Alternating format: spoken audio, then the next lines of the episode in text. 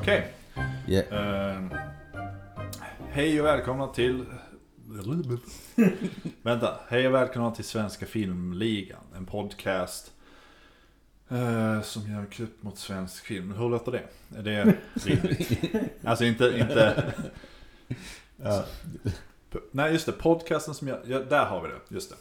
Hej och välkomna till Svenska Filmligan. Eh, podcasten som gör en kupp mot svensk film. Eh, ja, vi är då en podcast som eh, kände att det var lite för få podcast inriktade mot just svensk film. Eh, och vi, vi, vi ser ju kanske inte, ja i alla fall jag ser väl kanske inte jättemycket svensk film själv. Så man kände att man kanske ville lära sig mer om svensk film och svensk filmbransch. Eh, helt enkelt. Och eh, samtidigt så har ju svensk film, kanske i Sverige framförallt, ett eh, lite dåligt rykte. Och det är många som, när man nämner svensk film så tänker de liksom, ah det är ju inte så bra liksom. Så vi tänkte, vi, vi, vi- gör den här kuppen i, i eh, Jönssonligans anda. Eh, och eh, ser liksom, vad, vad är det som är fel med svensk film? Är det någonting som är liksom fel med svensk film eller är det egentligen bra? Ja, och eh, upplägget på de här poddarna kommer vara lite grann att vi, vi diskuterar eh, vad vi har kollat på senaste tiden. Eh, vi diskuterar lite svenska filmnyheter och eh, avslutar poddarna med eh, någon typ av tema som vi eh, som har liksom en så här svensk filmanknytning. Um, ja, och vilka är vi då? Daniel? Vi börjar med dig. Ska jag börja? Ja. Daniel heter jag. Eh, utbildad filmvetare faktiskt. Så jag Wow. borde ju veta mycket om det här. Eh, nej men stor filmfantast. Eh, älskar film. Gillar svensk film. När det är bra. Men eh, Ja, du, du är den äldre av oss jag är tre, en äldre av oss. tre som sitter här just nu. Ja, inte så mycket äldre. Ja, Inte så. Bara i siffra. ja precis. Eh. Håller på en siffra. Ja men se. Ja det är jag. Jag försöker, jag, jag ska nog kanske, kanske vara, kommer vara den som mer försvarar svensk film här. I den här gruppen. Ja. Rimligt. Mm. Anders? Mm. Anders heter jag. Och eh, jag är självlärd filmvetare. Vem vet vad det slutar? ja, precis. Uh, nej, eh, filmnörd, spelnörd. Som tar sig fram i livet. Det är jag. Sweet. Och jag är eh, Svenska Filmligans eh, podcastvärd, eller vad man ska kalla det. Eh, heter Martin. Eh, och eh, jag är också utbildad filmvetare. Eh, och har väl inte jättemycket intresse av svensk film från början. Alltså jag är intresserad av svensk filmbransch mer än vad jag är intresserad av att se svenska filmer. Även om det har hottats upp lite med tanke på på att vi ska genomföra den här podden så har man ju sett lite mer. Framförallt. Men eh, ja. Vad, eh, vad har vi kollat på nu senaste tiden då? Om man börjar med dig Anders. Har du sett något svenskt? Faktiskt så. eh, jag kollade i, i bokhyllan. Eller DVD. Fast det är snarare bok, DVD, spel, eh, Blu-ray hylla. Nej men eh, jag hittade en, eh, en eh, gammal Blu-ray som jag hade. Uh, Apflickorna från 2011. Mm. Det var ett tag sedan jag såg den så jag tänkte passa på att se den igen inför första avsnittet här. Tänker, jag, tänker jag lägga in min tagline där. Inte sett. Jag får säga, jag har faktiskt inte heller sett den. Ingen har sett den? Nej. Men det, är- det är med Pernilla August va? Nej. Nej det var inte Pernilla August. Det, det, det, var, det var någon annan. well, strike one. Ja. Ja. Vad bra diskussion det kommer bli. Ja, ja, ja. Gud ja. Um, nej men den är eh, regisserad av eh, Lisa Arslan. Eh, jag är osäker på om jag uttalar det rätt. Jag hoppas Mm. jag uttalar rätt. Sure. Um, eh, och den, den filmen var eh, en del av ett eh, projekt som hette Rookie Film. Som kom i, i som eh, Filminstitutet eh, lanserade i slutet av eh, eh, 00-talet. Alltså 2007 tror jag det var. Är det lite som vad he- Stockholm om man ska prata om det. Alltså, hur, hur var Stockholm debut? Jag Men jag tror. Stockholm debut är liksom, jag vet inte om det är Stockholmsbaserade regissörer eller sånt där, men det är väl svenska regissörer i alla fall som ska göra sin första långfilm. Och så får de liksom stöd genom alltså workshops och annat. Liksom, Ja men lite liknande. processen. För det, det här stödet var för första eller andra gångs regissörer för långfilm. Då. Ja, Okej. Mm. Och äh, Apflickorna då var, var det sista, eh, sista filmen i det här projektet då. Som right. fick stöd. Ja. Mm. Och det gick eh, rätt så bra för den. Eh, vet att den vann pris på Tribeca Film Festival. Mm. Som, som de använde i sin marknadsföring. För att det var Robert De Niro som delade ut priset och så. Cool, cool. Sådär. Mm. Men eh, den handlar i alla fall om Emma och Cassandra. Som spelas av Matilda Paradeiser och eh, Linda Molin. Och det är lite så här maktspel mellan de här två karaktärerna. All right. Typ tonårstjejer som, ja, det blir en udda vänskap med som sagt mycket maktspel och så. Var den bra? Mm, ja, jag tyckte de var bra. Okej. Ehm, ja. Men den såg du om lite för, inför podden så att du kände så åh jag vill se något svenskt. Eller var det mer så här, den här har jag inte sett. Ja, det var inför podden. Jag ville, Ja, ville se någon svenskt ändå. för vi har haft lite, li- lite olika approach på det där, men vi, vi kommer ju till det. Mm. Så. Ja. Men ja, av flickorna, en film. Mm. Ja, den kan jag rekommendera. Okej, cool. Jag har faktiskt sett eh, Lisa Ashland, hette hon. Eh, Mm. Hennes senaste film. Såg jag för några veckor sedan. Eh, som inte haft premiär. Den har premiär i februari. Eh, den heter Comedy Queen. Vi fick en liten testvisning. Ah, okej. Eh, och det var också mycket bra. Men jag, jag, vi fick lite så tystnadsplikt så vi får inte prata så mycket om den. Så det, men den Ja. kanske vi tar upp sen när den får premiär. All right. Det, hon var, då blev jag också sugen att se Apflickorna. Faktiskt, för Dan, Daniel har ju ett väldigt hemligt yrke som han inte vill avslöja. Som så här, jag kan ju säga det. Jag jobbar på en biograf. Och då får jag lite möjligheter liksom med specialvisningar och ja, Precis. personliga visningar. Och därför tänkte jag också gjorde eh, som en film som vi visar på vår biograf Biorox i Örebro. Eh, den film jag såg alldeles nyligen som också är svensk. Eh, dokumentären om Lena Nyman, skådespelerskan. Mm. Lena, kort och gott hette den. Eh, också väldigt bra. Eh, lite annorlunda dokumentärt berättad. För det var mer som en... Den hade en linjär historia. Alltså, man fick följa Lena Nymans liv från barndomen upp till... Vem är Lena Nyman? Vem är för, Lena För, Nyman? för oss som inte vet. Vem är Lena Nyman? Hon är skådespelerska, artist, provokatör, politiskt engagerad. Eh, Kanske mest känd som Ronjas mamma. Ja, I, Oh. det var väl något av det sista hon gjorde i skådespelarfilm. Okej. Eh, hon dog alldeles för tidigt, 2011. Eh, inte så gammal faktiskt. All right. Eh, men hon är mest också känd från filmerna, eh, den gula filmen och blå filmen. Eh, som där hon går runt och provocerar folk på stan och intervjuar politiker om klassamhället Ja, på 60-talet. cool. Väldigt. Eh, och så har hon varit med i Hasse och Tages många filmer. På 70 60-70-talet också. Mm. Så hon var ju stor.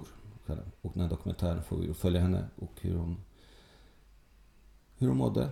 Och hur hon ja, levde och hur hon påverkade svenska film. Och inte bara svenska filmen, men det svenska samhället. Så- Ja, om det är någonting Mm. som svensk filmbransch är bra på, då är det ju personporträtt känns det som. Det är väldigt Mm. mycket, mycket, det är populärt att göra det och väldigt... Ja men det här som var så unikt, det var inte, det här var inte det var inte så traditionellt berättat med så här, så här, då gjorde hon det här, så gjorde hon det här, det här. Nej. Utan det var bara så en fint engagerande historia, liksom det blev en livshistoria som var engagerande. Okej. absolut. Och den går på bio just nu. Den går nog fortfarande på bio. Den dyka upp. Den är ju SVT-producerad så den kommer säkert dyka upp då på SVT här i höst-vinter. All Till right. jul kan jag tänka mig. Cool, cool. Mm. Jag har också varit på bio. Jag såg Venom, Let There Be Carnage. Åh, väldigt Eh. svenskt. Ja, den- den, är oerhört svensk. Jag kan en... Jag vet inte, jag tror inte den har någon svensk anknytning vad jag vet. Norsk va? Ja, kanske norsk. Inte norsk regissör? Det, det Jag kommer ju... att tänka på första, första Venom, när vi såg den. Och det var, det var någon typ serietidning de hade. Typ, eh, och så hade de översatt på svenska. Ja, just det. Ja, Vad var det? Dags att fodra. Time to feed. De, översatte hans tagline, eller hans, eh, vad heter den? Det heter ju inte tagline, det heter något annat. Eh, Men i alla fall, ja, dags att fodra. Men ja, Venom Let There Be Carnage, inte jättemånga svenska anknytningar vad jag vet. Eh, Inte en fantastisk film heller på någon, på någon nivå, så att den, jag vet inte, kan väl rekommendera, rekommendera den för de som vill se mer superhjältefilm. Eh, vilket är, det finns ju ganska mycket att välja på just nu i alla fall.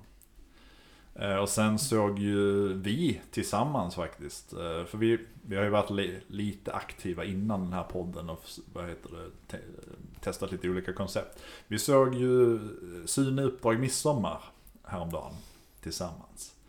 Vi har ju, vi har ju sett Vi har ju sett båda de senaste Tune-trilogierna nu eh, tillsammans. Eller inte, jo tillsammans har vi sett allihopa, eller hur? Mm. Ja, Ja. Suna sommar såg vi först. ja precis. Så att eh, Ja. jag har också någonting svenskt under mitt bälte just nu i alla fall. Eh, också inge, ingen toppenfilm eh, kan, väl, kan man väl säga också.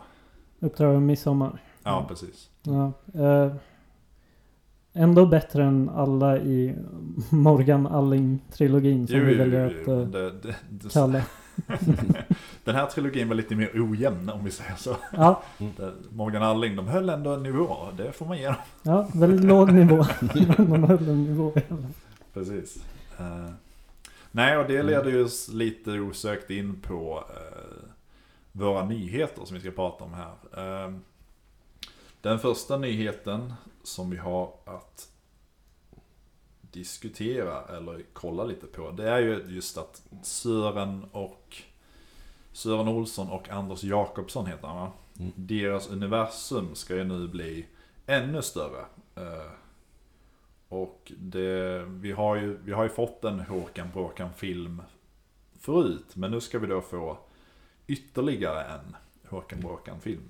Eh, Håkan Bråk, alltså Håkan från Sune som är Sunes lillebror. ja, På en egen film. ja men precis. Han, han har, Så han, hur stort blir universumet egentligen? Ja, ja precis. Det, det, men det samma är alltid familj. ett universum just nu. Det är ju det är liksom så att det, varenda, varenda liten grej kallas ju universum. Det är bara, bara att man får typ, jag jag antar två filmer och sen så bara så här, nu är det ett universe.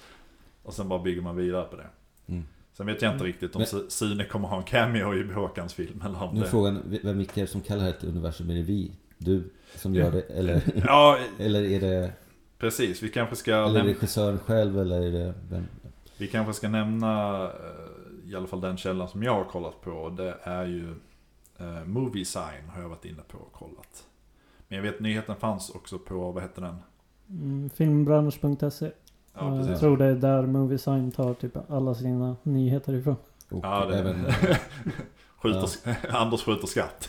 ja. och även det är lokaltidningar från eh, norröver. Eftersom re- regissören är därifrån. Och sen var det, ja, Ja, jag tror Aftonbladet Expressen också nämnde Ja. notisen. De presenterar ju skådespelarna och det kommer ju vara samma eh, Rudolf och... Eh, eh, oj, nu spejsar jag på namnet. Vad heter mamman? Karin. Mm. Rudolf och Karin kommer att vara samma skådespelare som i senaste Sune-trilogin. Ja. Men ingen, ingen Sune står omnämnd, så att vi får väl se på den. Han borde ju vara med. Ja, men jag, samma jag, jag tycker det också, men han är inte med i liksom den här... Vad jag ser i alla fall. Eh, Men det står i artikeln, följa med från Sune-filmerna in i Håkans universum. Så jag vet inte, det kanske inte var helt... Men det är ett universum i alla fall. Ja. Då är det skribenten som kallar det. Ja, precis. Men det är lite kul i alla fall att eh, Ted Kjellson ska regissera. Mm. Vi, vi såg ju alla, för vi, eh, lite mer fakta om oss. Så vi har ju jobbat lite på filmfestival och sådär. Visst visade vi Ensamma i rymden, Ted Kjellsons film, på en festival? Mm. Ja, Gjorde vi inte det? yes. Och då var Ted Kjellson här. Precis. Hängde ett tag. i Örebro. För det är det, vi, vi, vi, vi sprinklar ut lite så här små fakta så att ni håller er kvar i podden. Snickra ihop våra personligheter. Nej men så det är ju trevligt och han, han har ju han har ju mycket, vad ska man säga, han inspireras ju väldigt mycket av de här eh, 80-90-tals eh, blockbuster-filmerna med Alien och Spielberg och, och sådär. Så att, Ja, det är ju intressant om, om det kommer vara i, som i Sune-filmerna. Att det är mycket så här fantasier och grejer. Ja, men det, det låter ju som det. För Mm. det, själva, jag tror, eh, plotten skulle väl handla mycket om att Håkan skulle iväg på någon speltävling tror jag. Och sen så, sen så råkar han eh, komma ihop med några så rånargäng. Eh, som ska då, eh, eller tjuvgäng eller så här, som ska stjäla från, från, från kvarteret där Håkan han bor. Eh, så han ska stoppa det och samtidigt hinna till tävlingen eller vad det var. Så att jag tror, Så det var lite ensam hemma. Det var, ja, vad heter den här filmen, den Nintendo-turneringen? The Wizard. The Wizard, ja. Så ja, jo.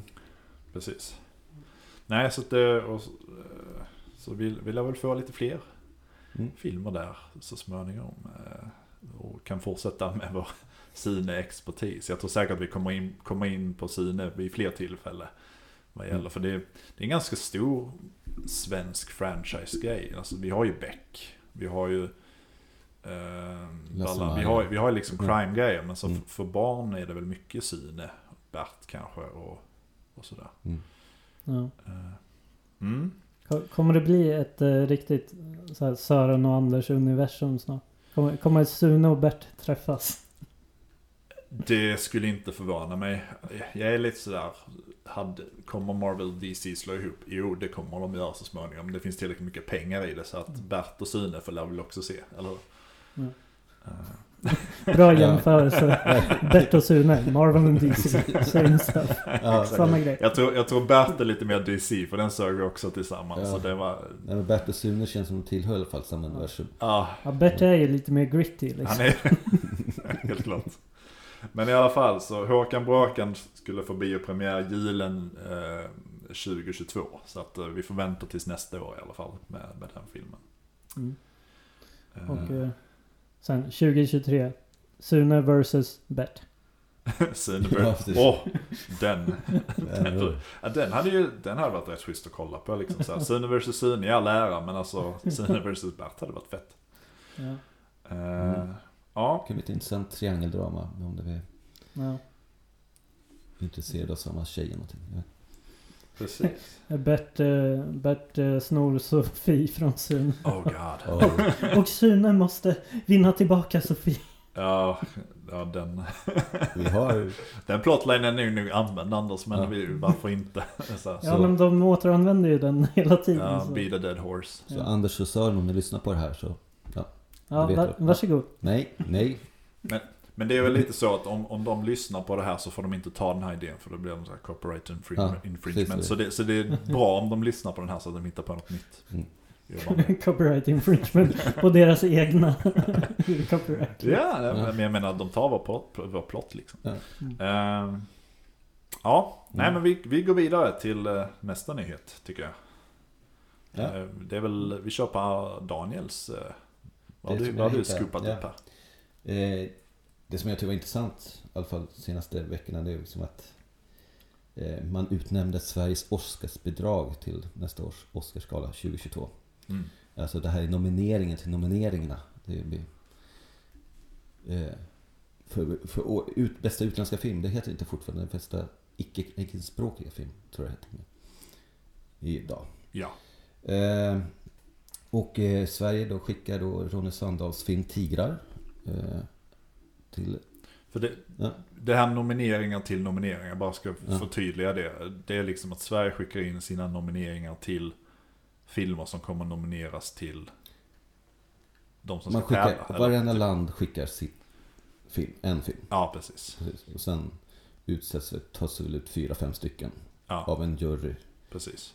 Där är akademin då, som blir nominerad. Och så är det en av dem som vinner sen. Ja. Så det här är som eh, i sportstermer så här, kvart, kvartsfinal typ. Eh, In- Semifinal måste det ju vara.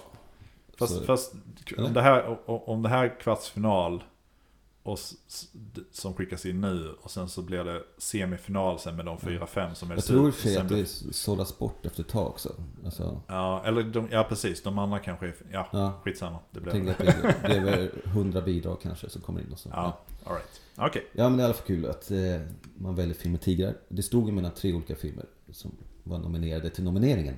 Mm. Till nomineringen. Yes. Tre vågar.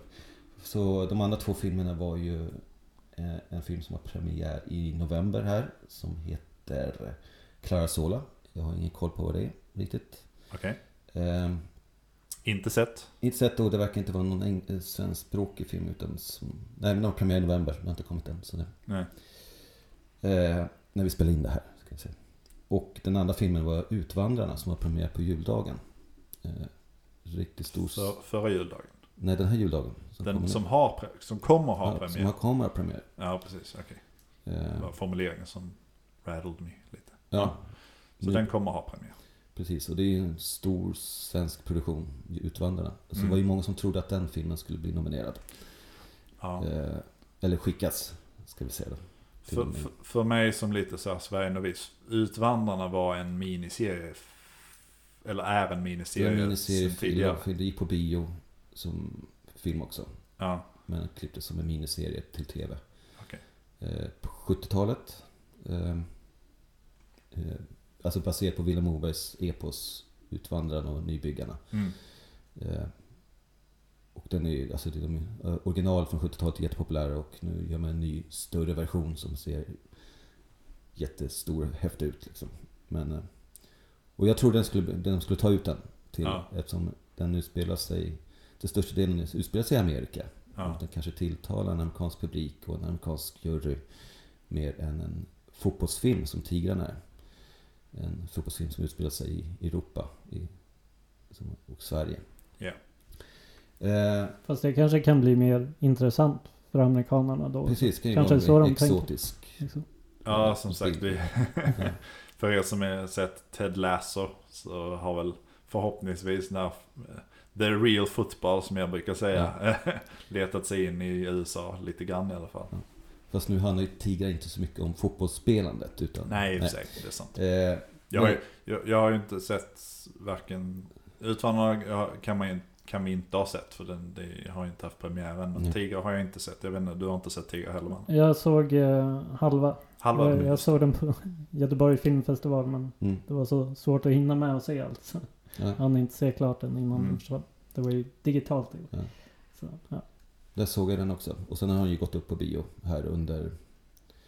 Tyvärr under pandemin, så det var inte så många som faktiskt fick chansen att se den. Mm. Eh, Det var ju...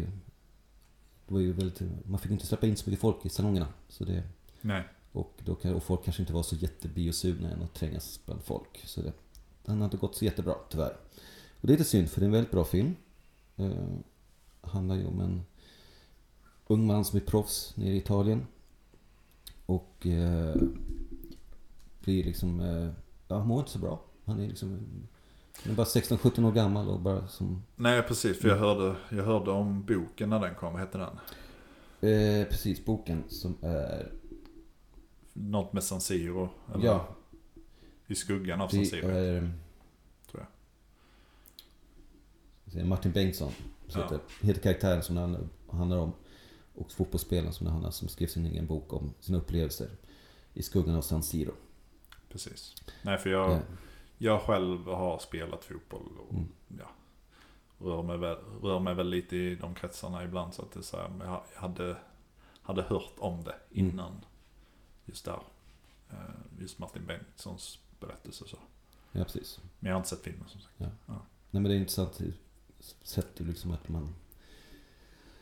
en ung man som släpps in i en, liksom en värld helt ung. Alltså kommer från en liten förort i Sverige till proffsliga och släpps och får bo med en massa unga män i typ ett Big Brother-liknande hus. De är inlåsta hela dagarna och Mm. de är, ska leva med andra personer som man inte trivs med och sen ja, inte kan hantera det.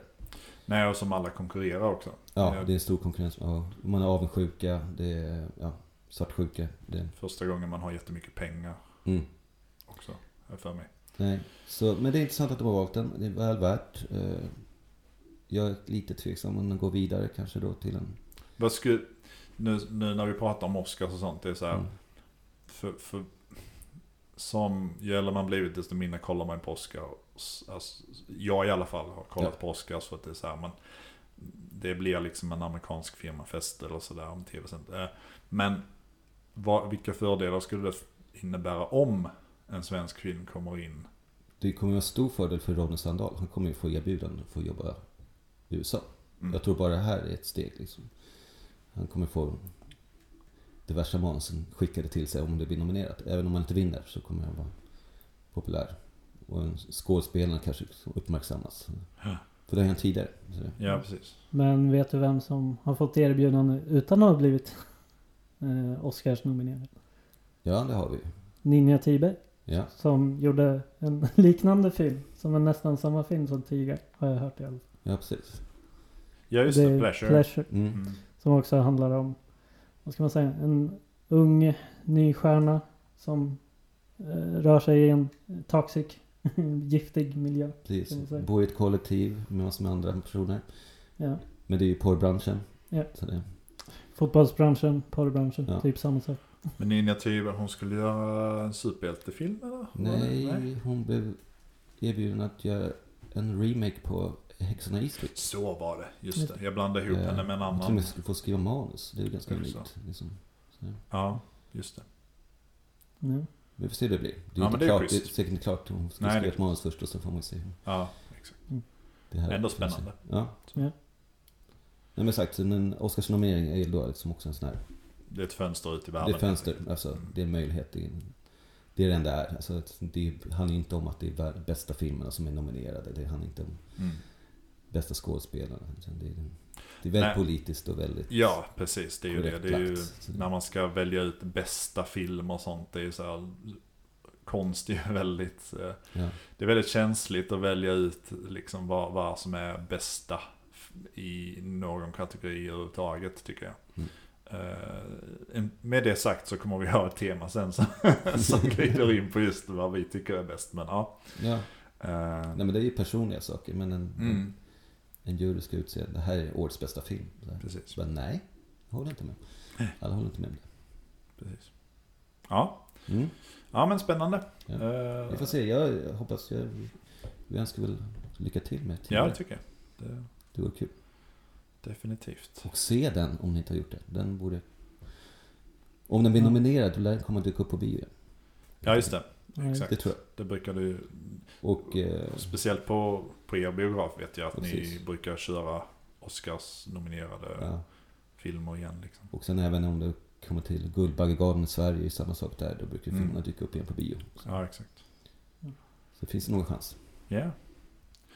Ja, ja, då går vi vidare till kvällens, tänkte jag säga. Det är ju kväll. Eh, kvällens sista nyhet. Pod, podcastens sista nyhet. För den här gången. Som eh, Anders, take it away. ja. Nu har en lite mer filmpolitisk eh, nyhet. Ja, vi stegar upp här. Vi tar det lättsmälta först och sen så bygger vi upp liksom. Lika bra att ta det sist för de som tycker det är tråkigt. Ja, precis. Ni kan stänga av i tio minuter. Nej. Men det då eh, Filminstitutet som eh, har gått ut om en eh, ny rapport. Som eh, pekar på nya finansieringsmöjligheter i EUs AVMS-direktiv. Och det vet säkert alla vad det är. Mhm. Nej, men eh, det står för Audiovisual Media Services Directive. Och eh, det är då ett eh, direktiv som EU klubbade igenom 2018 redan. Och det, hela det innefattar liksom bestämmelser kring olika medietjänster som alltså video on demand och streamingtjänster som Netflix, HBO. Ja, Amazon och så vidare. Disney, alltså, ja, okej. Disney Plus. Mm. Och den här rapporten då tittar närmare på artikel 13.2. Oh. Spännande. Och, ja, eller hur? Enligt den här artikeln kan eh, alltså medlemsstaterna kräva att eh, de här medietjänsterna bidrar... Medlemsstaterna i EU. Alltså. Ja, Mm. precis. De bidrar ekonomiskt till europeiska verk då. Så då, alltså att eh, till exempel Sverige kanske skulle kunna kräva av medietjänster att de måste gå in med en viss procent i produktionen då, i till exempel svenska produktioner. Mm. Precis. Eh, dock så har ju eh, Sveriges regering inte tagit ett aktivt beslut i den här frågan. Och det verkar bero på att eh, Sverige sitter i, i eh, grupper i EU som är mer, eller en grupp i EU där de länderna är mer för den fria marknaden. Liksom. Mm. Yes. Så, ja. Men eh, rapporten uppskattar också att ett sånt här bidragskrav eller en investeringsskyldighet skulle kunna generera ungefär 120 till 360 miljoner kronor år, årligen i så fall. Om det skulle införas. Precis, vilket känns som en missad möjlighet om Sverige Ja. inte skulle lägga sig i det här, Mm. eller hur? Eller vad Ja. känner ni? Jo, jag tror det. Daniel? Jo, absolut. Jag tror det här kommer liksom klubbas igenom också i Sverige. Det, Mm. eh, vi har i alla fall just nu en kulturminister som är filmintresserad och som trycker på det, hoppas jag. Så- Ja, visst, visst var det något med nya så här skattelättnader? Eller var ja, det? också, det också. Du kan inte ta upp nu, får vi kanske kolla upp. Men, Ja, eh, ja, ja nej, jag, jag Mm. tyckte jag såg någonting om att Mm. det skulle vara lättare att filma i Sverige Precis. framöver. alltså, vi får ju se, det, det är ju ett val här nästa år. Vi får se vilka som Ja, sitter precis. och bestämmer. Som sitter. Eh, men alltså, jag tror också att vi, det efterfrågas av, det finns en efterfrågan att se det. Alltså även inte politiskt men publikt. Att vi vill se mer svenskt. Eh, man ser ju redan nu att det har ändrats lite på Netflix och HBO streamande tjänster. Att det produceras Ja, svensk produktion där. Mm. Liksom. produceras och att man ser det i flödet också. Mm. Eh, till exempel, framförallt topp 10 skulle jag väl säga. För att där, där brukar alltid vara någonting som är liksom från, jag vet inte hur de rankar sin topp 10 men det brukar alltid på vara dina någonting. algoritmer också. Vad det Ja men exakt. Mm. Men det brukar, jag tycker mig alltid se någonting som är svenskbaserat i Mm. topp 10 liksom. Mm. För att, ja. Sen är det, om, är det för att de vill att jag ska kolla på det eller är det för att det faktiskt är topp 10? Det vet jag. Mm. Men eh, ja, man, Ja. se- man ser ju liksom förändringarna. Ja. Eh. Och, och så har ju Netflix börjat dubba mycket mer på svenska också. Ja, ja, precis. Men det kan ha med det här att göra. Ja, precis. Om det är relaterat på något sätt. Ja, det är Ja. frågan. Ja, för de hade ett väldigt luddigt svar varför de dubbade. Det var för att de skulle prova Ja, svenska men- marknaden. Ja, de skulle testa. Ge, ett, ge, ett, ge ett, ett erbjudande för svenska publiken att kunna se amerikanska produktioner Mm. Ja, dubbas. Som inte är för, För- inte för- för barn utan för vuxna. Det. precis. Och det, det är väldigt ovanligt i Sverige att man dubbar Mm. vuxna filmer. Eller filmer och serier för vuxna. Men nu, nu har de ju dubbat Midnight Mass Mm. till exempel. Ja. Och även, eh, vad heter den här filmen med Jason Momoa? Ja, precis. Och så var det en film med Alicia Vikander också. eh, Som var också fanns dubbad. Ja. Mm. Var Ja. inte någon ny Jean-Claude Van Ja, Damme-film? nu, ja precis. Även Choklad Van. Damme blev. Ja, det, men om det har med det här att göra eller att det är bara att det är något de, de, Men du, de kommer ju, där, där kommer Netflix märka oj det fanns inget intresse i Sverige för svensk dubbning. Men nej precis. Vi har Ja. aldrig haft den traditionen riktigt tror jag. nej. Att du, förutom för barn då. Mm. Eh, Men, men Anders, du hittade den på Filminstitutets hemsida va? Den Ja. biten. Ja, om rapporten. Ja, Precis. precis. Men det stod ingenting om hur Filminstitutet själva ställer sig till. Nej, det alltså... Det var mer att de... Rapporten togs ju fram på uppdrag av Filminstitutet eh, och SVT och eh, de regionala filmfonderna i Sverige. då. Mm. Så det var de som var uppdragsgivare. Så att säga. Ja, precis. Mm. Nej, för jag tyckte när jag läste så, så var det ju...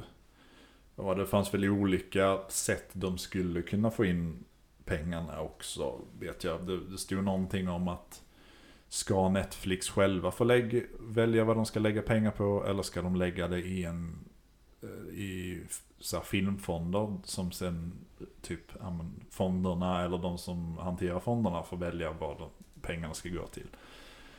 Det är också sådana frågor som uppkommer liksom så. Eh, Ja. Och det känns ju som att, ja. För min del så skulle det vara trevligt om det, de, de där 360, om vi får, om det är max. max, om 360 miljoner skulle komma in i svenska filmfonder, eller hur? Mm. Uppmuntra till svenskt filmskapande eh, på olika sätt. Ja, Men det- precis. ja. Och särskilt nu när streaming blir bara mer och mer populärt. Liksom. Ja, exakt. Mm. Eh, För det är Ja. väl fortfarande så, det här tror jag du Daniel har mer koll på, men det är väl fortfarande, de flesta intäkterna kommer väl från biografvisningar. När det gäller svensk film och så. Ja, det är det väl. Eh, absolut, biobiljetten där är det första man räknar med Ja, eh, på intäkter. Sen är det som... det- Sen, är det- det kan ta större, det är nog alltså försäljning utomlands. Tror jag kanske. mm. Eh, men det är också biointäkter. Distributionen. Är. Ja, nej för jag tänker om man nu till exempel Netflix, Disney och sådär, om de nu ska ta del av marknadsandelen till publik liksom i Sverige.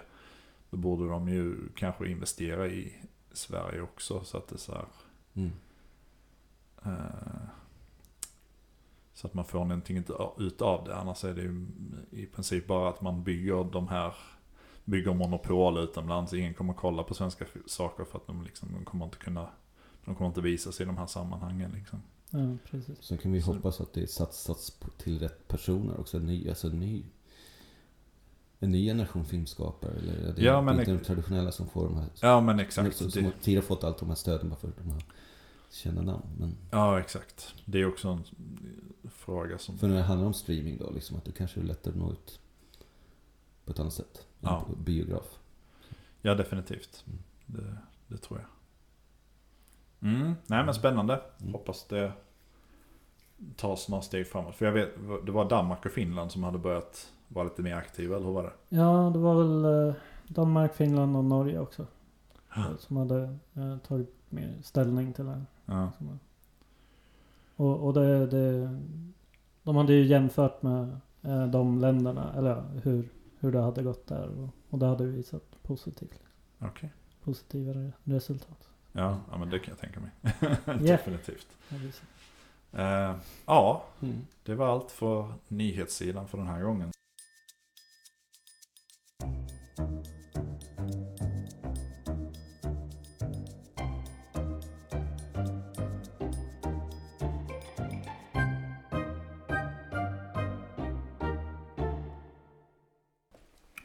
Ja, då kommer det till ett avslutande temat här i Filmligans debutpodd. Och eh, vi hade då tänkt att eh, ni skulle få lära oss känna oss ytterligare lite mer eh, genom att vi listar våra tre favoritfilmer, svenska favoritfilmer. Och just det här med definitionen av vad som är en svensk film. Det kan ju vara lite, lite flytande för många människor. Jag vet vi diskuterade den här eh, mids, Midsommar av eh, Ari Aster. Som vissa anser så här, "Ah, men det är en det är en svensk film. Man bara, "Mm, ja, det är så här, jag vet, man, man känner det lite i ryggraden. Mm. Eh, Den är i och för sig man, en samproduktion eftersom Be Real. ja. Men eh, nej. Nej, men jag vet, så här, Be- Real är också mer internationellt nu känns det än, än vad de är svenskbaserade. Mm. Men Nej, det är ingen svensk produktion. Och den inte ens inspelad i Sverige. nej, ingen svenska regissörer. och så. Alltså, Svenska skådespelare, men... Men vi, vi, vi sa det, man kan ju diskutera det här till förbannelse. Men grejen är att det sitter ju lite i ryggraden när man tänker liksom så här, åh, här är en svensk film. Eller typ, ja, men, en superhjältefilm, eller whatever. Det är, så här, det är svårt att definiera, men man vet det när man ser det. Och sen så får man väl, om någon skulle liksom säga att nej det där är inte en svensk film. Då får man väl argumentera för att det är en svensk film, helt enkelt. Så, ja, det är väl, vi inbjuder till diskussion här, men eh, en annan tanke med just den här, det här temat är ju också att nu när vi startar den här podden så är det ju också lite det är också för att bygga på vår, vårt, för, vårt, vad ska man säga, vår erfarenhet av svensk film, vårt förråd av svenska filmer. Så förhoppningsvis så kan vi göra det här igen om ett år ungefär. Mm. Och, och, och, upp, och känna att vi har upptäckt nya svenska filmer som, som tar sig in på topp tre. Om podden lever kvar om ett år. Ja men gud ja, det, det, det är ingen fara. Det, det, det löser vi. Vi kan, byta, vi kan byta ut dig Anders, det är ingen fara. uh, nej, så att uh, det kan, kanske vår smak förändras när vi ser mer svensk film. Jag vet inte, det är ju så ibland när man liksom går ner i och fördjupar sig i olika ämnen så blir man helt plötsligt liksom förtrollad av, av olika saker. Vem vet, till, jag kanske sitter här som den värsta Bergman-nörden liksom om ett år. Jag tror jag har bara sett en Bergman-film till exempel. Uh, så uh, vi får väl se. Men uh, ja, vi har som sagt tre stycken favoriter var som vi kommer lite snabbt presentera och diskutera. Och jag tänkte att Anders ska få börja med sin första Ja. favorit. Bara för att du vill att det ska börja kontroversiellt på direkten. Ja, jag, jag misstänkte att du skulle säga det. Och det är ingen favoritordning här utan det är liksom lite... Nej, det är... Nej, precis. Vi har inte listat dem eh, efter. Eh, vi har listat dem kronologiskt när de kom. Så, Ja. Mm. Visst. Ja. In, jag vet inte, har vi, vi har inte listat dem kronologiskt i den, Men som vi tar upp dem, individuellt. men individuellt. ja, Nu gör vi det komplicerat är här, men ja. Ja, Så vi får hoppa i tiden fram och tillbaka. Ja, Ja. exakt. Oavsett. Ja, Kör Anders. yes. Nej, det blev lite, som sagt, det blev lite kontroversiellt. Shit on the carpet. För liksom... Eh, Martin och Daniel här tycker, eh, ville hävda att det här är en miniserie. Vilket, eh, okej. Ja, det, det gick som miniserie på SVT. Mm. Eh, men eh, det har även klippts ihop som en film. Och, och SVT har visat det. Och eh, eh, Svensk Filmdatabas listar den som tv-film också. Och det var lite där vi kände att det var okej. Ja. Ändå. Om, om Svensk Filmdatabas säger att en Ja, ja, tv-film. precis. Vi har, vi har någon sorts auktoritet som går in och säger att det här är en tv-film. Ja. Men eh, så det är i alla fall en komikers uppväxt från eh, 1992. Eh, den är baserad på Jonas Gardells bok med samma namn. Eh, som, eh, som han skrev eh, ja, nästan samtidigt tror jag. Alltså det, eh, det var samma år i alla fall. Som eh, filmen producerades eller släpptes? Eh, Produceras antar jag. producerades. Kan tänka mig att de skrev parallellt. Ja. Ja, jag tror det. För jag tror han gjorde det med eh, eh, Torka aldrig tårar utan handskar. Om ni har sett den serien. Mm. Eh, där skrev han ju manus innan eh, han skrev boken tror jag. Eller det var parallellt också. Ah, ja. Böckerna kom efter serien. Multitasking. Ja. Mycket, vad, vad heter det så här? Eh, Symmetri, nej synergi. Eh, Ja, whatever, moving on. Um, Mediakonverg... Nej, vi går vidare. Ja, en komikers uppväxt då. Ja, handlar om eh, Juha. Juha. Som vi får följa från när han är komik. Han är komiker då och vi får följa honom både som vuxen och men så får vi också följa honom som barn. Mm. Som är typ 12 år tror jag är. Han går i sjätte klass. Ja, hur gammal är han som vuxen? Eh, I den här är han 20 någonting tror jag han ska vara. Mm. För det är, eller närmare 30 kanske. Okej. För det är ju ungefär, nu måste jag tänka, det är ju ett spel, för när han är barn, det är ju på 70-talet då. Ja, Och när han är vuxen är ju på 90-talet då. okej. Eh, Så det var ju nutid när, när filmen kom där. Jag tror också att Anders refererar till det, att det kommit en ny film när han sa den här. Ja, precis. Det har precis släppts en ny långfilm. Som, Precis, det kom Med en långfilm 2019 Mm. tror jag det. Och, eh, som också är bra. Men, eh, som är en film. Wow. Ja, den släpptes på bio till och med. Åh, men den får inte vara. Nej, Ja. jag tycker den är bra också men jag tycker eh, originalet eh, är bättre. Mm. Helt enkelt. Ja. Eh, de, en, de har både sina eh, styrkor och, och svagheter. Liksom. Ja. Eh, Vad är den största styrkan då? Skulle du säga? eh, största styrkan med tv-filmen då, från Ja. 92. Ja. Eh, det är att den, hur ska man säga, lyckas fånga den här ångesten som man har när man är typ tonåring eller nästan tonåring. Ah, svensk film. Svensk film. Men eh, när det görs rätt så, så blir det bra. Ja, Men, eh, precis. Det- Inte, inte bara ångest ska jag säga, mycket humor också. Mm. Det blir tragikomiskt liksom. Ja, jag såg ju den tillsammans med dig. Mm. Vet jag. Jag tyckte också den var bra. Ja. Ja, precis. Ja. Ja, vi såg den. Vi, vi såg den tillsammans. ja, vi såg den alla tre. Hela filmligan. Ja, just det. Ja, vi såg den som en serie. Men, Ja, för den var- ligger som en serie på SVT Play. Ja. Ja, vi, vi släpper.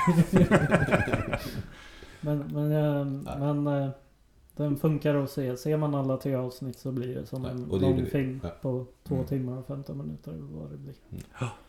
All right. Vad är största svagheten då, skulle du säga? Eh, jag skulle säga att det är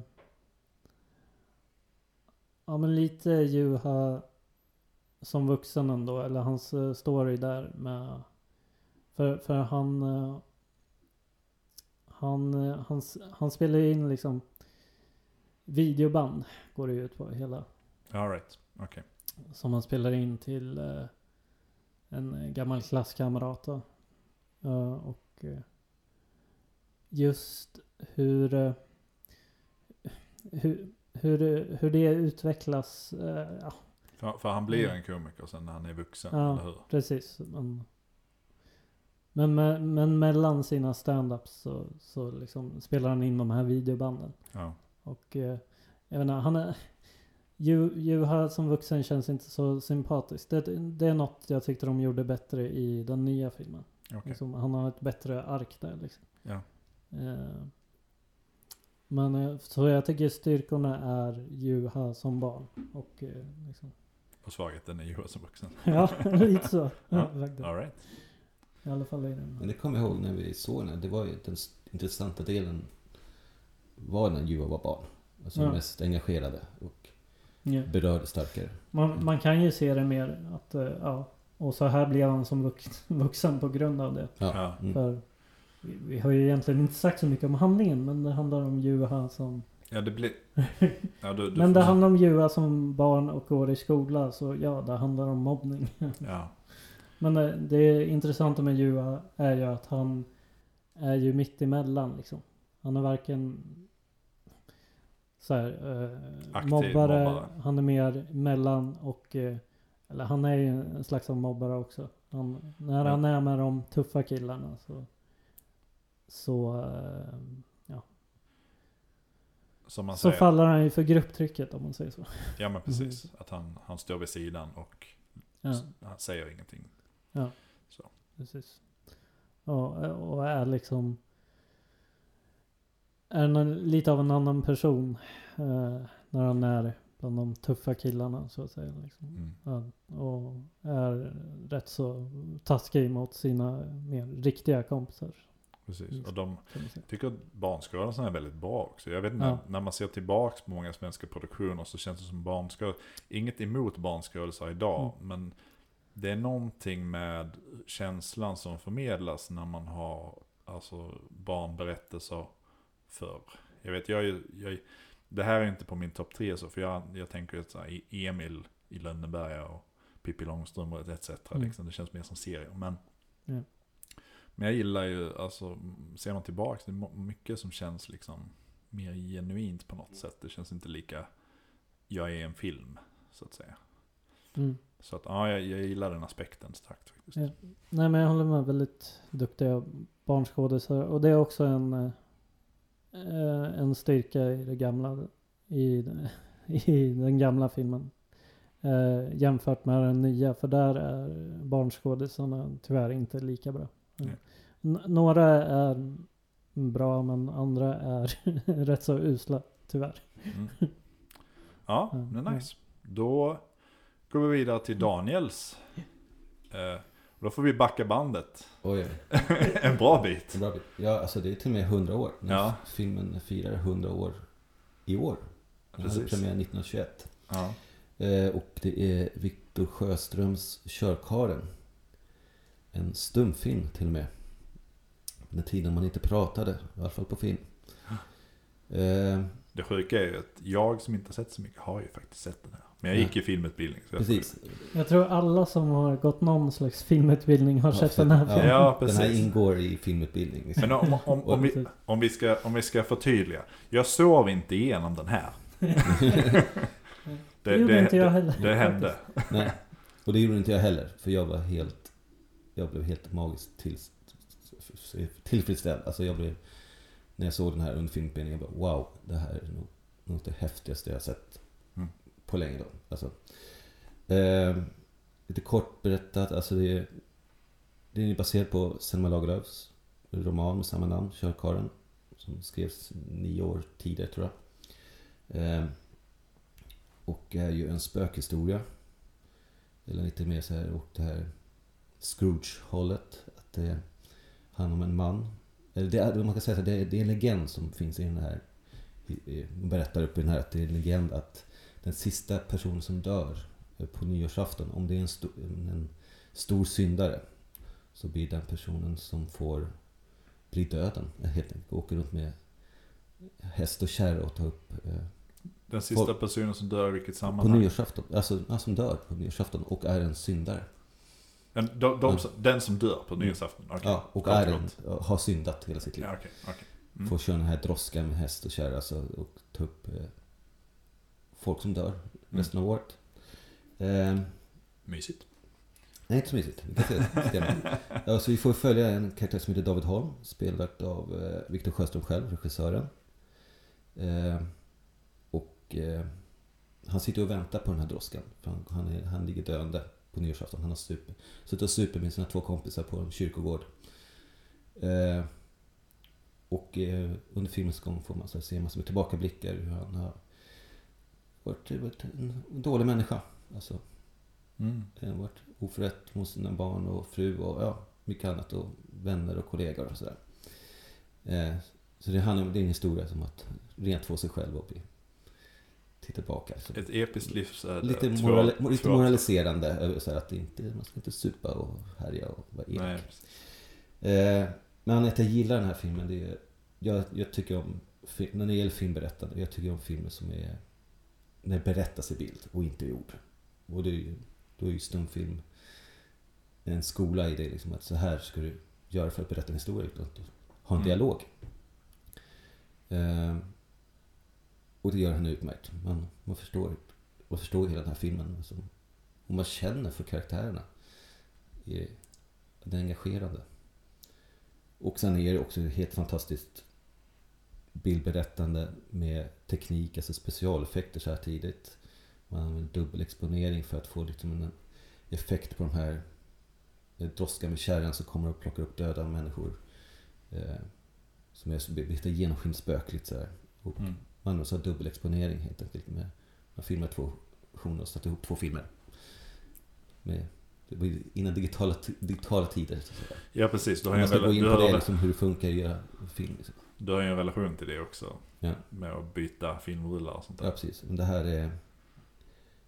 Ja, men det är verkligen en eh, härlig, mysig film att se. Lite sådär. Ja. Det är dystert. En gång till. Svensk film. Svensk film är episk och dyster. Ja. Ångest. Men också engagerande. Ja. Och som sagt, när jag, jag fick se den när jag pluggade filmvetenskap. Och då är det restaurerad kopia med lite nyare musik som jag lagt på. Eh, så det blev en, en fin upplevelse. Och det, Vi lär det väl håller, också- håller sig kvar i minnet och det är därför jag... Vi lär väl också ha fått ett samma... Vi gick ju alla på Örebro, Mm. alla säger jag. Men vi gick på, Mm. för Anders gick också med mig vissa kurser Ja, vi, vi såg väl den kanske tillsammans. Ja, det är möjligt. För, jag vet ju att vi såg den när vi, när vi läste filmberättande och analys. precis. Vi har alla gått på Örebro universitet och läst film där i alla fall. Ja.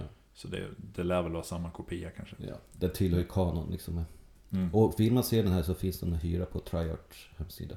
Ja, Så, så, Ja, och det finns möjligheter.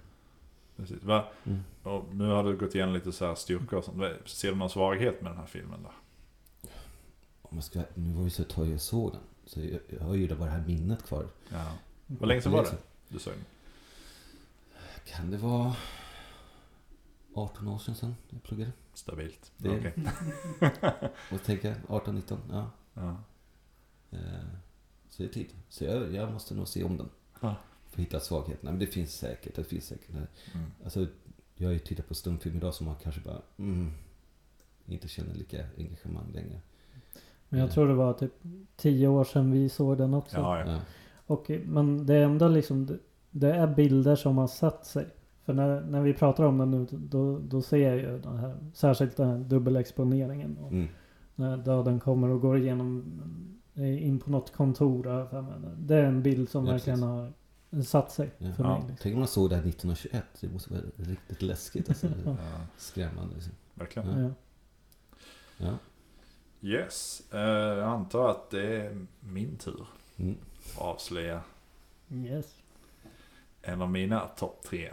Eh, och det här... Eh, jag är...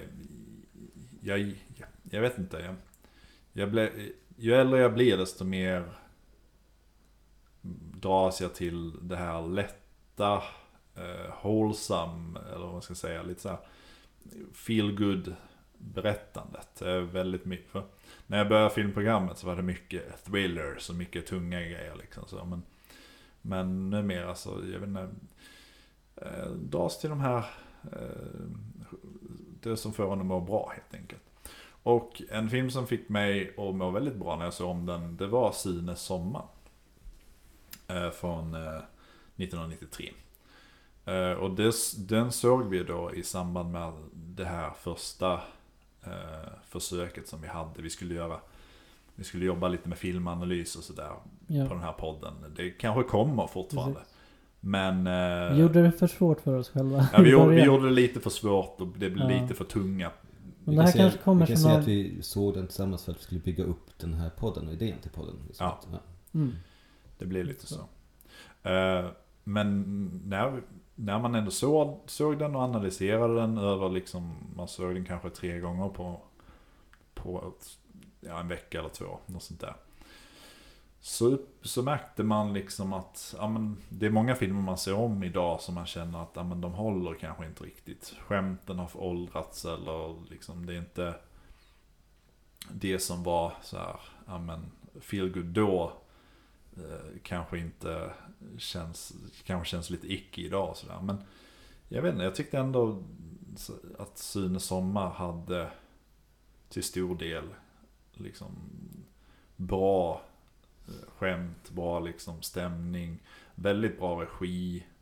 Eh, sådär. Man, manuset är väl lite sådär, vad ska man säga, inte, kanske inte det bästa men regin då av Stefan Apelgren det, det höjer väldigt mycket samt att skådespelarna gör ett jättebra jobb. Jag vet eh, Peter Haber som spelar Rudolf var ju nominerad till en Guldbagge liksom för, för sin Mm. roll och sådär. Så att, Och det är ju inte ofta det händer i en komedifilm. nej Som precis. är- Också mycket slapstick. Men bra slapstick. Ja men det är bra slapstick, definitivt. Det, Det, för det är ju väldigt mycket visuellt berättande också. mm. Det, det finns ju mycket att hitta i bilderna. Liksom. Ja, nej men det är lite som du, du drogs till med, med körkarlen där, Mm. eh, Daniel. Att det är mycket visuellt. Och det är mycket liksom som är fina bilder och sådär också. Så, nej, det, jag, jag tvekade inte en sekund när jag liksom, för, för det är väldigt få filmer också som, jag har ju sett en del svenska filmer på, på senare tid. Men det är ju väldigt sällan man, att man tar sig tid att se om svenska filmer. Eller kanske, kanske vissa filmer som man kanske inte har sett på väldigt länge. Man minns dem. Typ, typ som återigen Körkarlen, så här, 18 år sedan. Liksom. Det, är så här, det är klart man kan man, man kommer ihåg vad man kände då. Jag vet att jag tyckte Sune Sommar var bra när jag var liten. Mm. Men det kanske inte betyder någonting när man ser om den idag. Men nej, Sune Sommar. Uh, guldstjärna. och en av mina topp tre. Ja. Eh, Och en film som är väldigt populär fortfarande. Alltså, ja, Både av nostalgiska skäl märker man. ja, precis. Eh, Vi, De som har växt upp och sen fångat nya generationer också. Ja, vi har ju pratat om franchise-grejen tidigare i avsnittet. Så att det är så Mm. här, det, det sitter ju någonstans. Det var ju, det var ju här det började på sätt och vis. Eller Mm. Sunes, Sunes jul. Sunes jul var väl innan. Ja. Mm. Men det var ju också St- Stefan Apelgren ja precis. som regisserade. Och, ja. Alltså det var ju ett vinnande koncept. Stefan Apelgren Mm. och tillsammans med Sören och Anders. Liksom. De, Och, sam, och de skådespelarna som spelade Ja. Sune och, Håkan Precis. och ja, Rudolf. alla Alltså var ju Peter, bra. Ha- Peter liksom. Haber, det är mest hans kändaste roll liksom, med, som Ja. spelar Rudolf. Det gör. Martin Beck. Ja. Ja, nej men eh, vi går vidare. Mm. Eh, då är vi tillbaks på Anders igen då. Mm. Ja. Och eh, min andra topp tre så att säga. Inte för att det är i någon viss ordning. Men eh, låt den rätte komma in.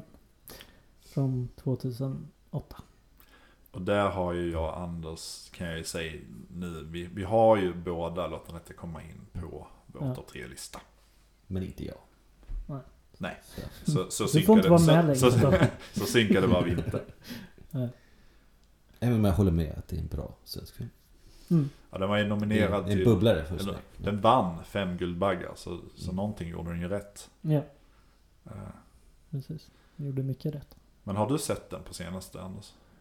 Eh, det var ett tag sedan nu, ett par år sedan kanske. Mm. Tror jag. Så... Ja. jag har inte så mycket mer att säga. Nej, alltså, det, ble, det blev lite så, för jag har inte sett den på jättelänge heller. Det är ju Mm. lite den här känslan som man hade när man först såg den. För de, det, var den för, det var den första filmen de visade på stor duk när man började på Örebro universitet filmprogrammet. Då körde de eh, Låt den rätte komma in liksom. Och man bara så här, ha.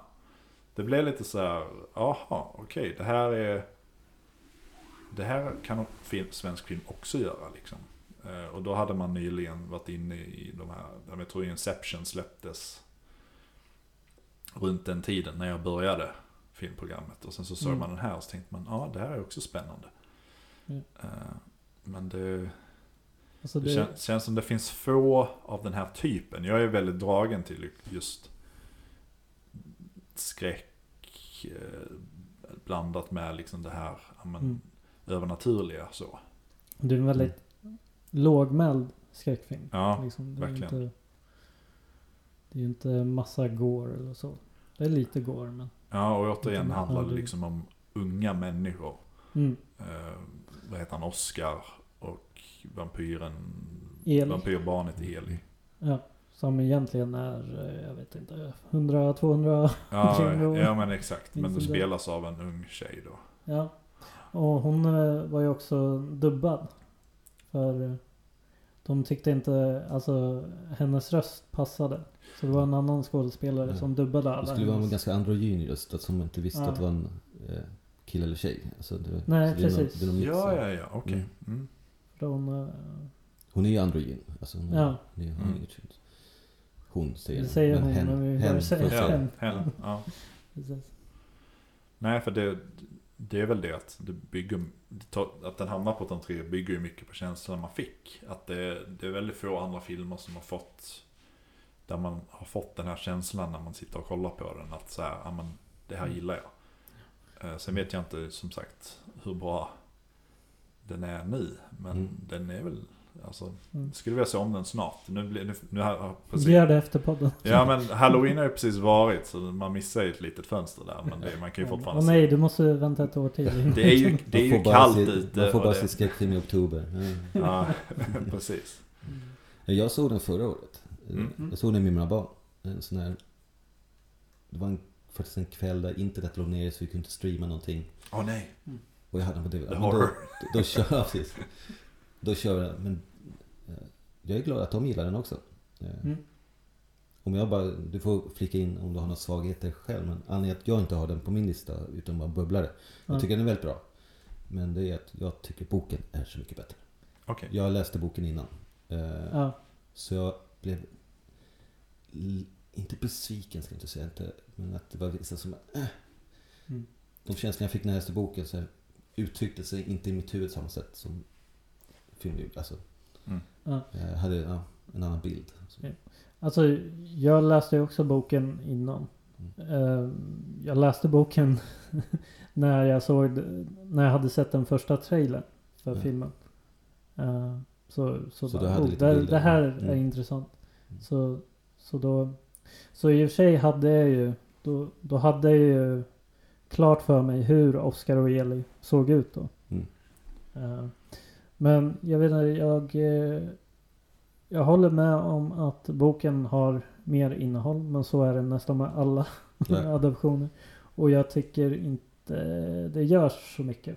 För jag tycker filmen gör sin egen grej också. Mm. Ett exempel är eh, eh, poolscenen i slutet. Som jag Just tycker är en av de bästa scenerna i svensk film någonsin. Ja, För vi, i vi, boken- Vi, vi, kan, vi kan ju snabbt säga så här. Vi, vi, vi, Vi kom, kör spoilers. vi, vi kommer att diskutera. Nu har vi inte gjort det hittills. Vi har inte spoilat särskilt mycket eh, Ja. runt filmen. Vi har inte ens diskuterat Sunes plott liksom. Mm. Men vi, eh, vi kommer kanske ta upp vissa spoilers eh, så att folk är medvetna. Bara. Ja. Ja. Så lite, Och här kommer en. lite spoilervarning om ni inte har sett. Eh, pausa om ni inte har sett Låt den rätta. Och, Ja, hoppa 30 sekunder jag tror.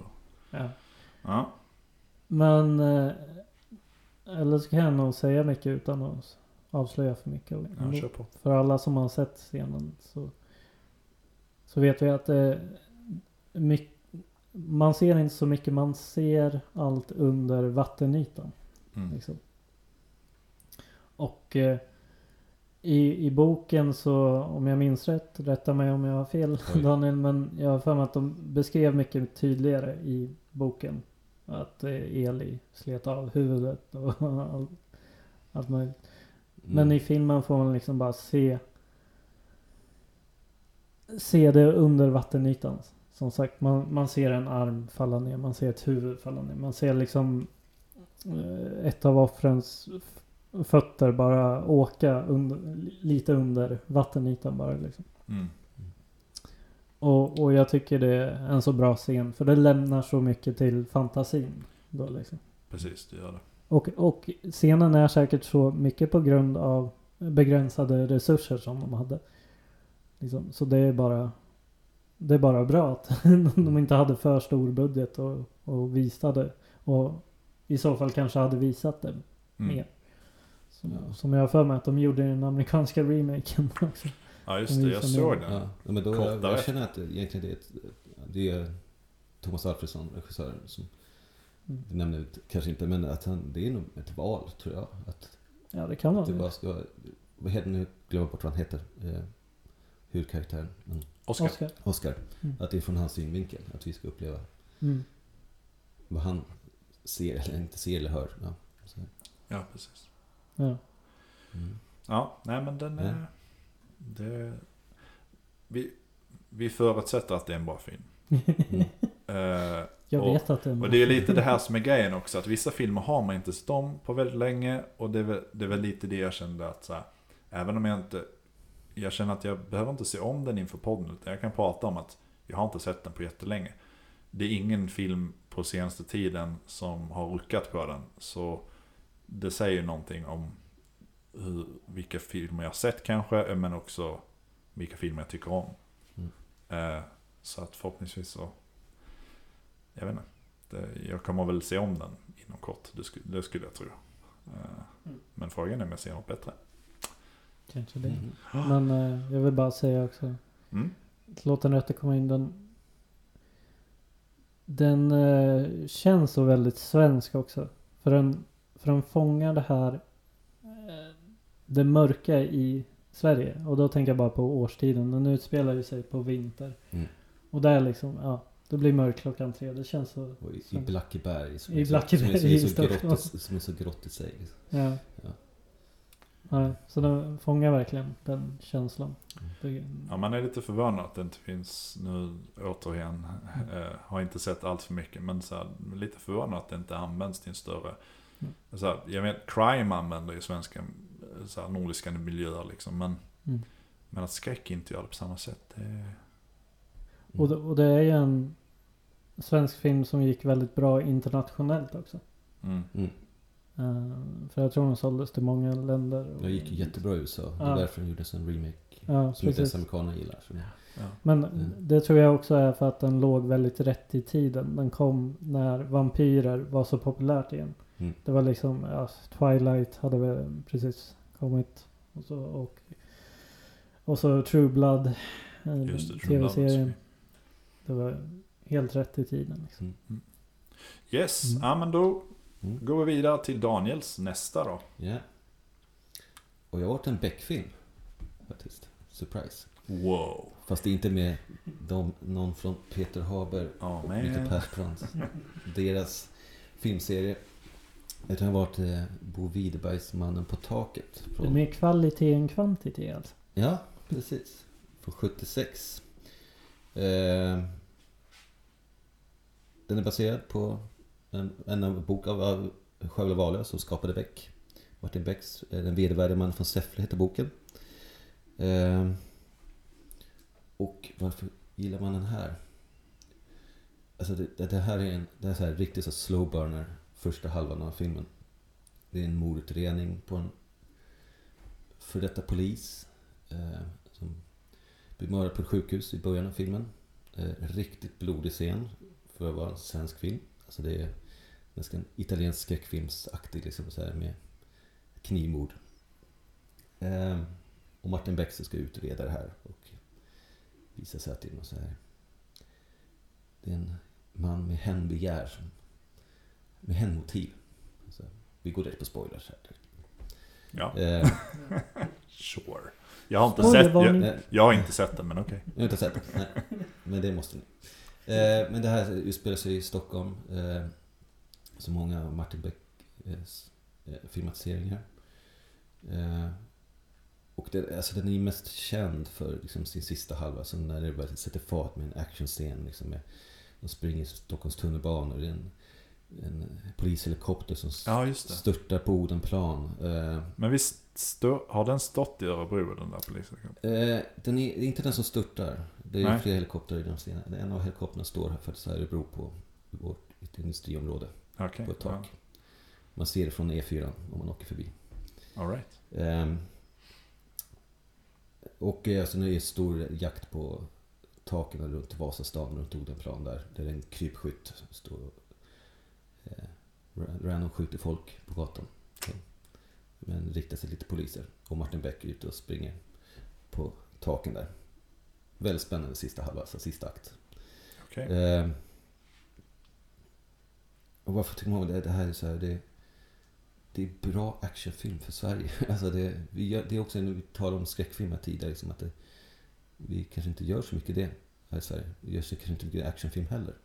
Nej. Eh, och eh, Bo Widerbergs eh, vision var ju att han ville göra en eh, svensk French Connection. Alltså en film som kom ut samtidigt ungefär i USA. Som också är samma upplägg, väldigt långsamt berättad första halva och sen exploderar mot slutet.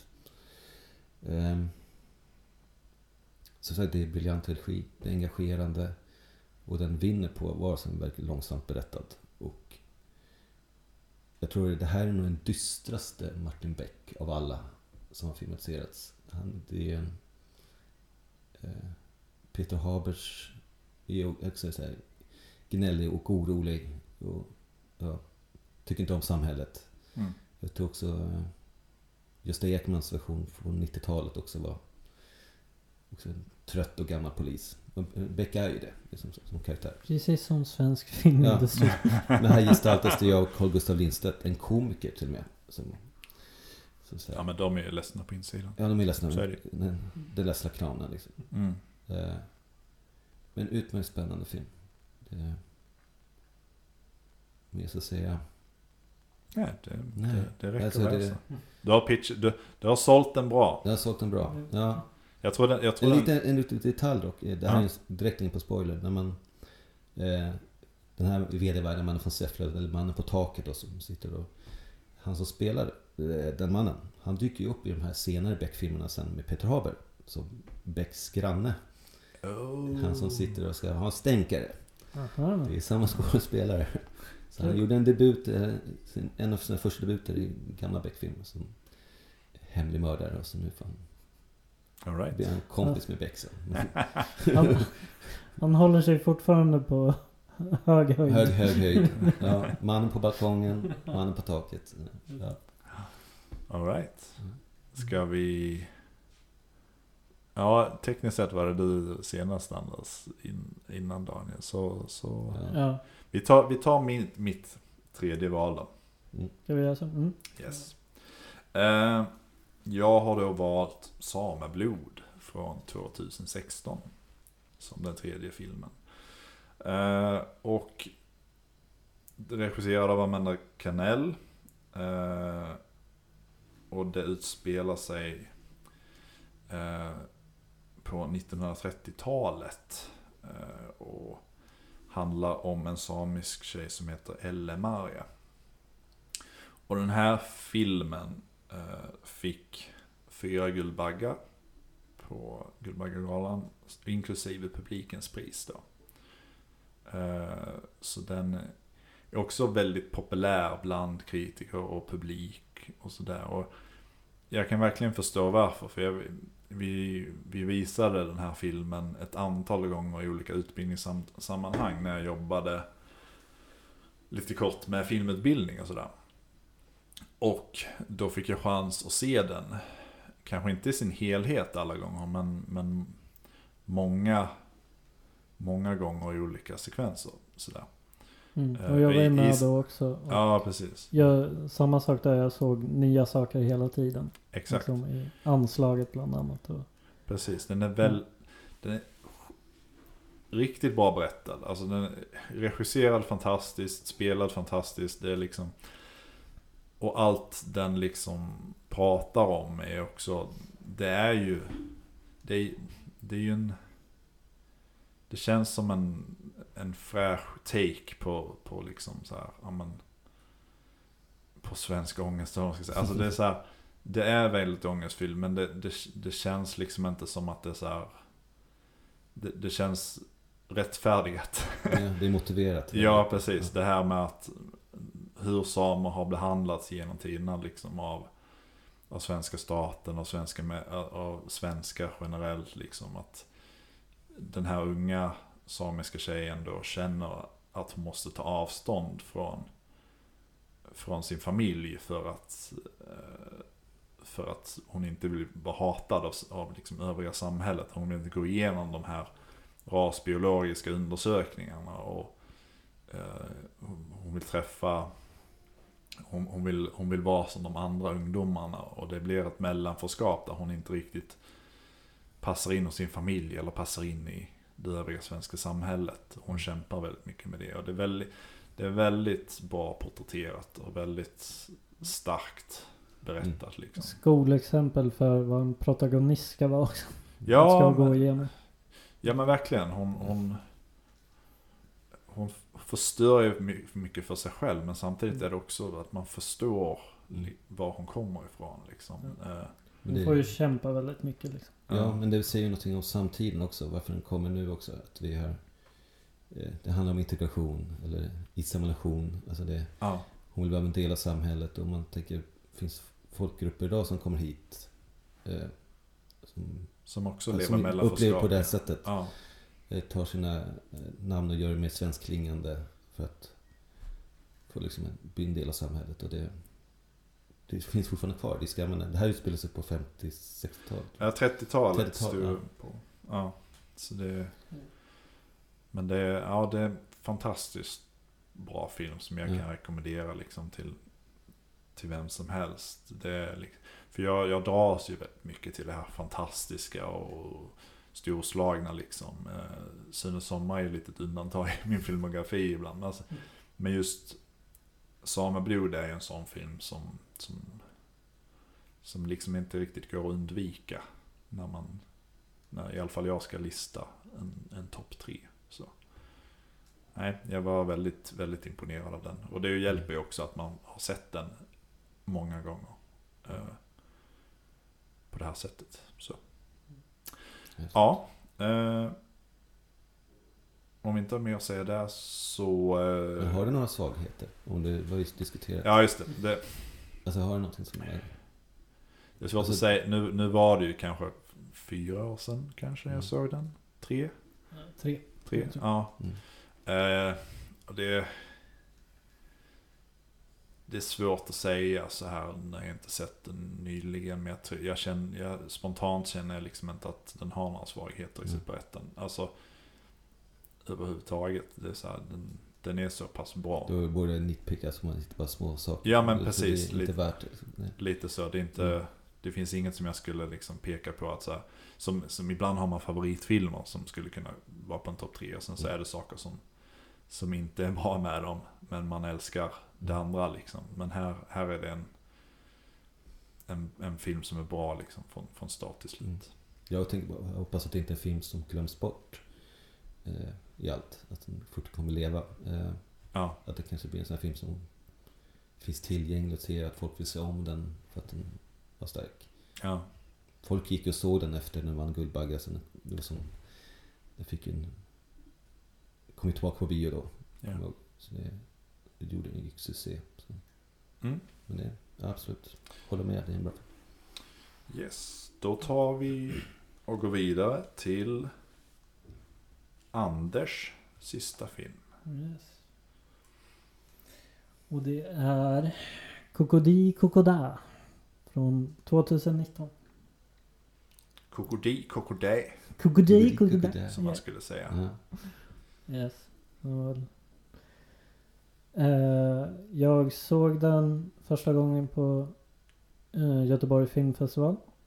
Det var eh, Sverigepremiär. Det var till och med Europapremiär tror jag. Jag såg den i fullsatt eh, på Draken i Göteborg. Eh, och eh, det var en fantastisk upplevelse. Eh, den är väldigt eh, stämningsfull vill jag säga. Det finns så mycket bra liksom animationer och eh, musiken och ja. Ja, den är, eh, den är bra. Mm. Vad handlar den om? helt. Det här är lite en utmaning. Vad handlar den om? Ja, För precis. Det, det är vi har, väl- vi, har- vi har, du har väl också sett den Martin? Vi har, Mm. sen- Ja, det, det är roligt hur många filmer jag faktiskt har sett när vi sitter på. Men det, det kommer väl så, i kommande poddar att jag inte sett så mycket som ändå. Men ja, den här har jag också sett. Men den är väldigt komplicerad. Är roligt. Ja, Höra och se vad den handlar om. Ja, vadå? Har inte alla, alla människor sett den här filmen? Ehm, nej, men det handlar om och det får vara lite lätt spoilervarning. Ja, gud, ja. Nej, vi- vi För det, jag tror inte det går att prata så mycket Nej. om handlingen utan att spoila. nej men vi har sagt det. Det är full Mm. spoilers. Ja. Eh, handlar om eh, ett par som eh, tragiskt eh, eh, förlorar sin dotter. I, eh, det är lite oklart var, vad det var som hände. Det var någon slags matförgiftning som Mm. gick väldigt... Ja, precis. Det, det är inte... Ja, precis. Det var en aller- allergichock. Ja, Något jordgubbar eller någonting. ja något sånt det Ja. Eh, och eh, sen eh, får vi följa det här paret. Det är väl något år senare har jag för mig. Mm. eh, de, de ska åka och, och tälta för att liksom komma bort från allt. eh, Försöka liksom. Ja. Filmen handlar mycket om sorgebearbetning i alla fall. Ja. Och, eh, sen under den här eh, eh, campingresan eller vad man ska säga. När de är ute och tältar. Så eh, börjar det hända mystiska saker. Det kommer eh, vad ska man säga? En Cirkusdirektör skulle man nästan kunna kalla honom. cirkusdirektör med lite speciella karaktärer om man säger så. Precis. Han har Som eh, cirkusfamilj med sig kan ja. man säga. börjar terrorisera det här paret och eh, har ihjäl dem. Om och om igen. Det är lite måndag hela veckan. Mm. Eh, mm. Och så, ja. Och det är mycket så här. eh, Liksom eh, huvudkaraktären försöker eh, hitta nya lösningar på hur han ska komma undan. Och det bara fortsätter och fortsätter. Det är en, ja. Det blir som en metafor för sorgebearbetning. Liksom. Ja. Ja, och väldigt- det, vi, som sagt, vi har alla sett den. Det, det är väldigt häftigt sätt. Alltså, man gillar ju när de lägger på ett extra lager på, så här, det, finns ett, det finns ett drama i grunden, men så lägger man på ett extra lager som bara förbryllar en totalt. Mm.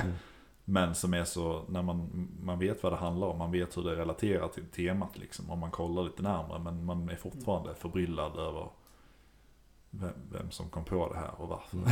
Ja, Johannes Nyholm är ju jätteintressant regissör. Ja. Vad- se vad som kommer. Ja, den här, den här är från 2019, jag vet Ja. inte om vi sa det. Men jag gillar hans förra film lite bättre, Jätten. Eh, men också precis samma sätt, liksom att han lägger på lager med och det är real, diskbänksrealism blandat med fantasy och Ja.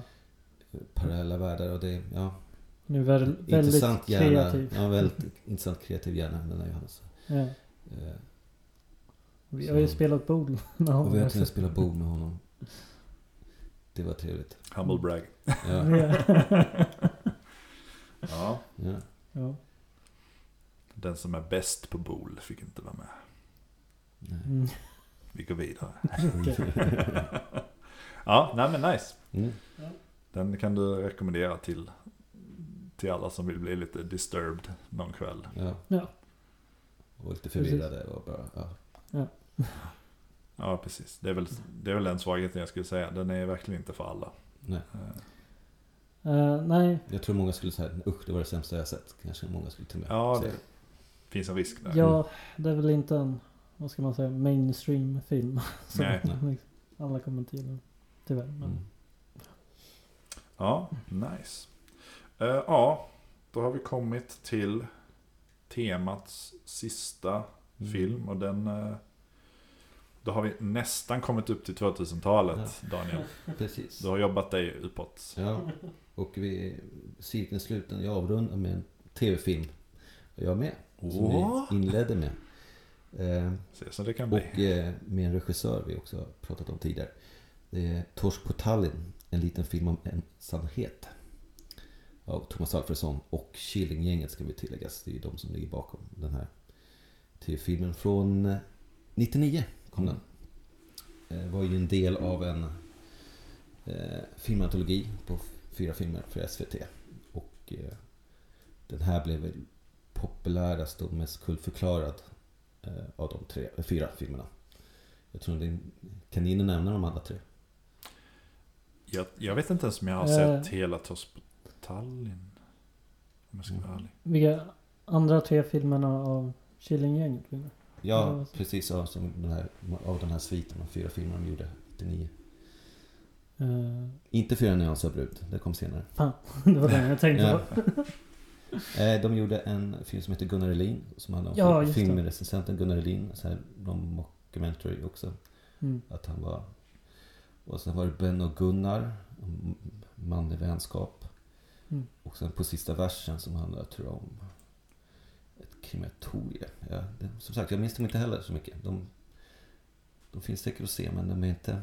De är inte lika stor som Torsk på Tallinn, som är verkligen här kultförklarad film och eh, citatvänlig film och folk, ja, hyllar den fortfarande.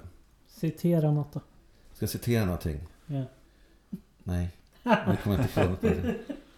Men, det, men det, det är den här bussresan Ja, till det handlar om en, eh, men singelmän från Sverige, hela Sveriges olika hörn ska åka till Tallinn på en bussresa.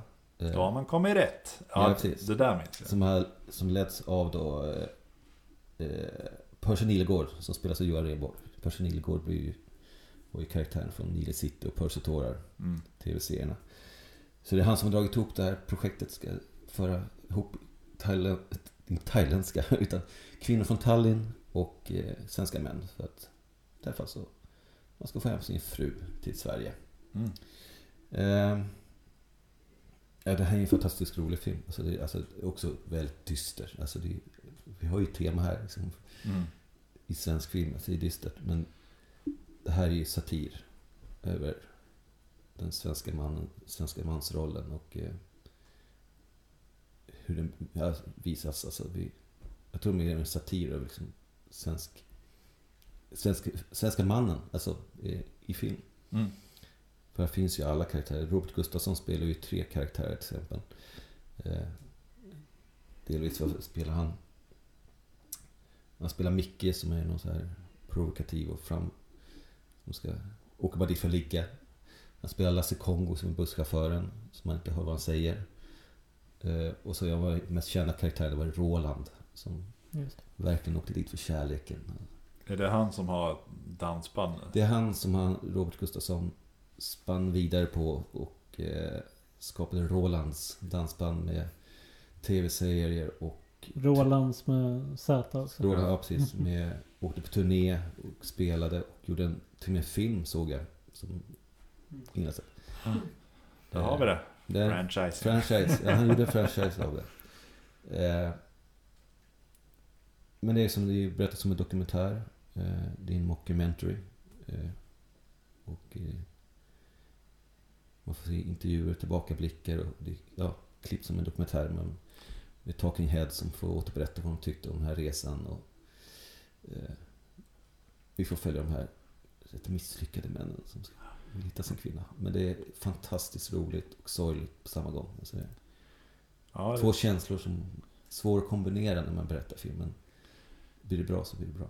Jag kommer ihåg att min bästa kompis i gymnasiet, han älskade Torsk på Tallinn. Och han Mm. visade klipp konstant. Mm. Men, så det känns ju att som jag sett filmen, alltså jag har sugit in de här klippen. Men jag tror inte jag har sett den i sin helhet någon gång, alltså från, från början till Mm. slut. Så det kanske också är läge. Ja. Men den är ju bara en timme lång. Eh, och sen finns det på DVDn finns det ju så här 30 minuter till borttagna Mm. scener. Så det tittar man på det samtidigt så blir det nästan en film på 90 minuter.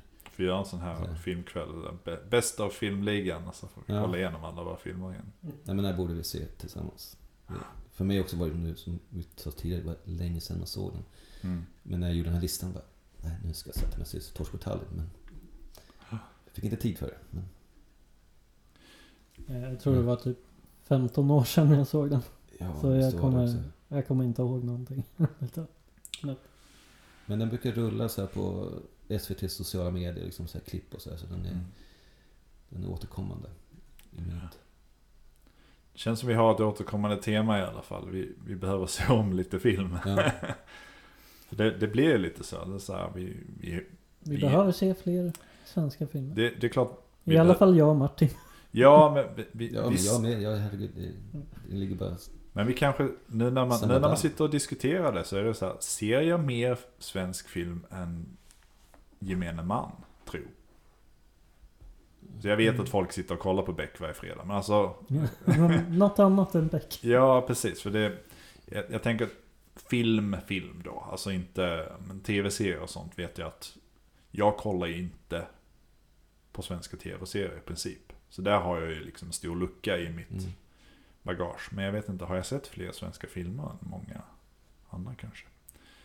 För jag, jag kände att jag, så här, jag går in med föreställningen att jag inte sett så mycket svensk film. Sen tänker man bara, ah, jag har sett den där, jag har sett den där, jag har sett den där. Så, Jag brukar tänka ofta att har man sett mer svensk film än ja, amerikansk film är dominerande. Eller Mm. engelskspråkig film. Alltså det, det blir nästan förstahandsvalet. Men eh, ja. Sen på andra plats måste nästan svensk film komma. Om man jämför, är det, det är inte norsk, dansk eller asiatisk film eller fransk, italiensk. det De ligger nog på samma nivå. Men Det är om man hittar någon speciell regissör typ. Som, eh, vad heter han, Jung Bon Ho. Eh, Jag vet att hans Mm. filmer ligger på S- C More tror jag nu. För tillfället. mm. Eh, Och där, det är liksom, då ser man dem. Men det är inte så att jag aktivt söker Nej. upp koreansk film eller något sånt där.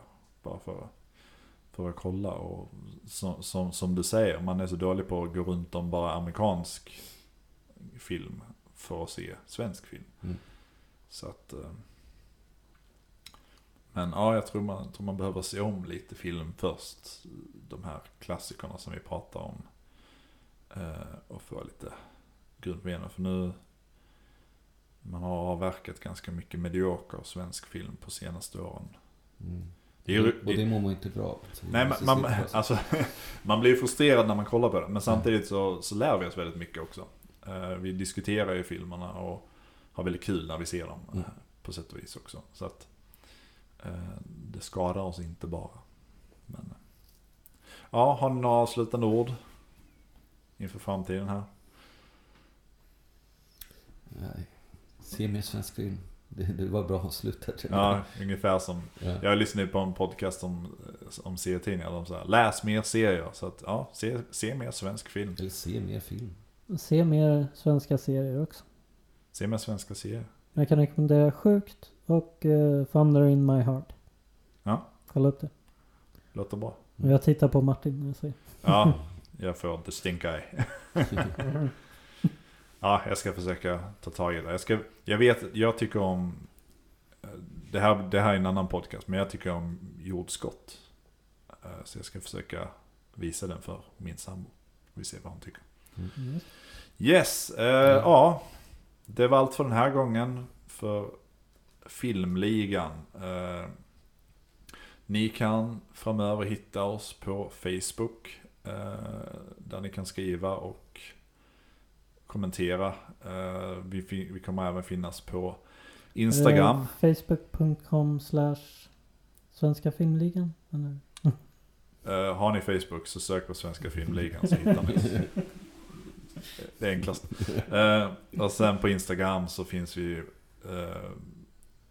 på Svenska Filmligan understreck. Nej, Svenska understreck Ta Filmligan. om det från början. Ja, det så att där kan ni också följa oss. Och jag har inte fotat idag, jag måste göra det. Men ja, det, det, det är sånt vi ska lära oss också här. På, Ja.